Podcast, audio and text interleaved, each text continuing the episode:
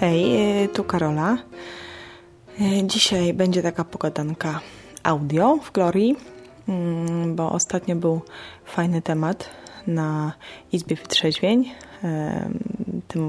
To jest taki program na żywo, czwartkowy, na odwyku. Było o męskości, o kobiecości, o rolach w ogóle gdzieś mężczyzn i kobiet.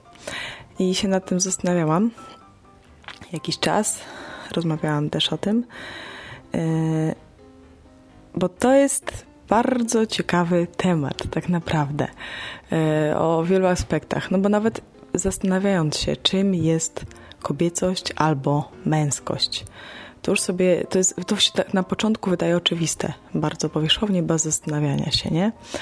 E, no, pod pierwszą warstwą powierzchowności zaczynają się stereotypy, nie? Czyli no, i kulturowe, i mainstreamowe, czyli takie, które widzimy w reklamach, filmach, w promocji otaczającej nas rzeczywistości, sklepowej głównie.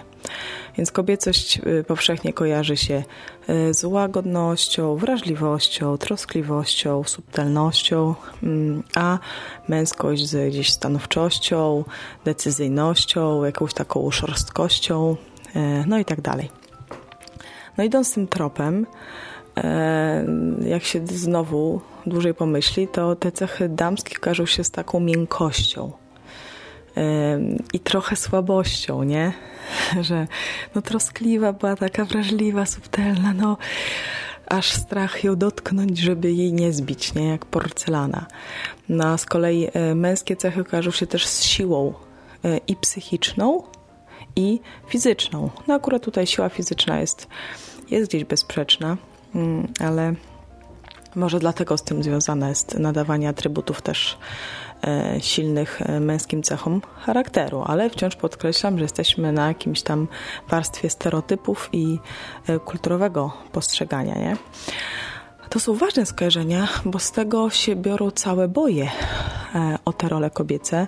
Kobiety walczą o swoją, żeby była no nie gdzieś taka do tyłu, czy właśnie słaba, chcą pokazać, że są silne, że konkurują z mężczyznami w stereotypowej tej męskiej roli. No wiadomo, no tam wiecie, feminizmy i w ogóle. Ja nie mówię, że, że, że to jest po całości wszystko bez sensu, bo stosunek do kobiet był parszywy w wielu, wielu miejscach. No i pewnie dalej jest, nie? No ale jak sobie pomyślę teraz e, o takiej sytuacji, jak czytałam na wojnie, no na wojnie, przed na Powstaniu Warszawskim, e, kiedy ono już trwało, trwało i wyglądało na to, że, że nie przetrwa, to wielu młodych chłopaków miało załamanie nerwowe, nie? No naglądali się pewnie niezłych okropieństw, ich koledzy ginęli, ich przyjaciele, bracia, nie? Ojcowie i przeżywali załamanie nerwowe i e, pośród tego wszystkiego latały sanitariuszki, niesamowite kobiety, które cały czas ich opatrywały, podnosiły na duchu i tak dalej. No i tutaj od razu widać, że ta troskliwość i wrażliwość na czyjś stan psychiczny, którą, którą e, kobiety jakoś łatwiej okazują, okazała się siłą, nie? Słabość, która coś, co normalnie może być uznane za słabość, okazało się gdzieś siłą. I to jest yy, bardzo fajne kiedy no, łagodność też okazuje się siłą, na przykład y, gdy mm, tłumi gniew albo go uspokaja. E, a gniew może znowu okazać się siłą e, albo słabością, nie? Siłą jest wtedy, kiedy jest reakcją na niesprawiedliwość, a jest słabością, kiedy człowiek się tym unosi, właśnie z, z braku jakiegoś pohamowania, nie? z braku bycia silnym. Często, często, często jest uniesienie się gniewem, więc tak wygląda, że ta męskość i, i kobiecość to się mają jakoś nawzajem chronić przed wypaczeniami własnymi. E, no i w ogóle, ja już tak żyję, wiecie, no, w małżeństwie 18 lat, więc to już nie, jedno, nie jeden temat e, i stereotypowo potraktowany i bardziej poważnie padł i dużo, dużo zmian mam w tym temacie z mężem i teraz widzę, że siła tkwi we współpracy kobiecości i męskości, a nie o walczeniu, co jest w tym lepsze. O służeniu sobie tym, e, bo to jest strasznie to jest strasznie tak naprawdę dobre, że y, fajna jest kobiecość właśnie w kontekście męskości, tak jak macierzyństwo moje. Ja nie, nie widziałam sobie nic z matki, póki nie miałam dzieci. Nie byłam matką, póki nie miałam dzieci. Nagle pojawiły się dzieci. Jak najbardziej byłam mamą i okazało się, że, że w miarę to naprawdę fajnie, fajnie idzie. Także hmm, no, jest to ciekawe, a y, tak intuicyjnie często, bo zastanawiałam się jeszcze a propos tych y, cech męskich i kobiecych. W Biblii, to, to jak to w Biblii wygląda, to było na odcinku omówione, więc już nie będę do tego wracać, ale mm, tak intuicyjnie się czuję, że ktoś jest w moim postrzeganiu kobiecy, a ktoś jest męski.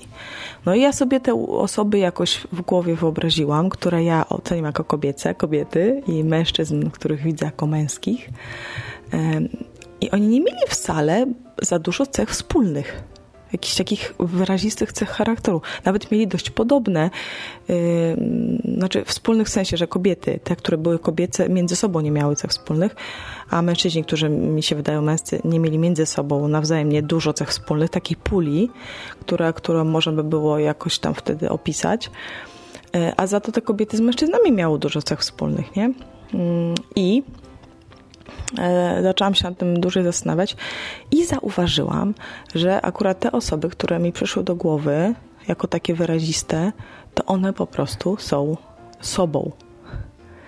No, to są ludzie, którzy gdzieś nie grają żadnych ról, nie starają się być inni, generalnie akceptują też w miarę siebie, co wcale nie jest współcześnie łatwe, bo kobiety mają masę kompleksów i, i kobiecość, no wiecie, z reklamy ze świata zupełnie jest czymś innym, tak samo męskość i tak dalej. I mężczyźni też mają problem z akceptacją siebie. No więc te osoby już nie mają z tym problemu, lubią być sobą, są sobą, nikogo nie udają. I automatycznie są męscy i kobiecy, bo są mężczyzną i kobietą. Nie? Coś takiego. Że bycie sobą może też pomaga właśnie. Jak jesteś kobietą i jesteś sobą, to jesteś w miarę kobieca na swój własny sposób.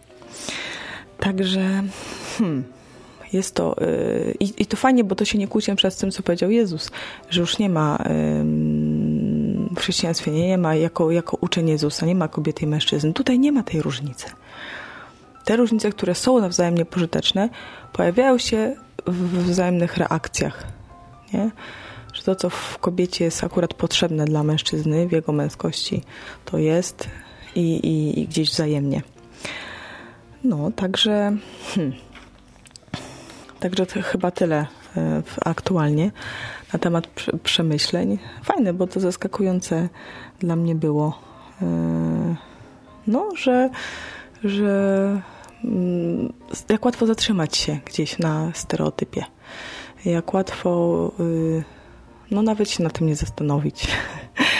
A problem jest wtedy, kiedy mm, nie zastanawiając się na tym, zaczynamy ścigać ten temat, który jest zupełnie wydmuszką jakoś stereotypową albo, albo kulturową. Nie, nie przemyślałem, co to tak naprawdę znaczy. Także mm, to jest fajne, to co wydaje się słabością może być siłą, właśnie we wzajemnych interakcjach. Dlatego nie ma co rozgraniczać po prostu na złe i dobre. I to jest fajny wniosek, bo z tym jest cały problem chyba z męskością i kobiecością współcześnie, że, że próby się pojawiają liczne klasyfikacji dobrych cech, damskich, dobrych cech gdzieś tam męskich, czy lepiej być tak, czy tak, jeszcze dochodzą, wiecie, gendery, wszystkie inne um, poszukiwania jakichś trzecich, czwartych płci i tak dalej.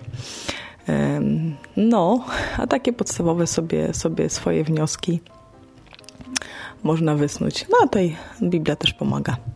Dobra, no to w zasadzie tyle. Takiej króciutkiej pogadanki i ja się cieszę, że jestem kobietą. O. Ale kiedyś tak nie było. A teraz się cieszę. Chociaż właśnie jakby mnie ktoś spytał, czy ja się czuję kobieca, to nie.